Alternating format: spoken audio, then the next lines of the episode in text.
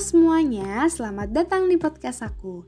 Kenalin, aku Ripka Felicia dari Prodi Manajemen Produksi Media Unpad 2020 dengan NPM 071. Aku di sini mau berpendapat tentang radio dan podcast.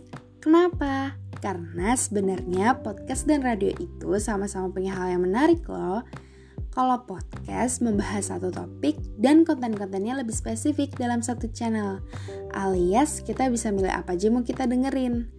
Dan kalau radio, topiknya tuh udah ditentuin, dan dari situ juga bisa menambah wawasan kita dari apa yang kita nggak tahu akan menjadi tahu. Hmm, by the way, zaman dulu tuh paling asik kalau dengerin radio. Nah, zaman sekarang tuh nggak kalah asik juga nih buat dengerin podcast yang lagi hype banget. Nah, sekarang kalian tim mana nih? Radio apa podcast? Jangan-jangan dua-duanya.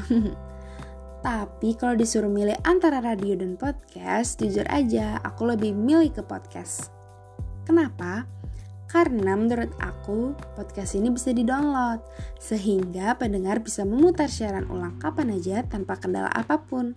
Dan hal yang disajikan pun merupakan topik yang unik dan jarang dibahas seperti pengalaman pribadi, bahkan sampai curahan hati.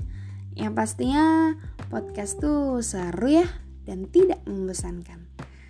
Nah, ini hanya pendapat aja ya teman-teman, jadi ambil positifnya.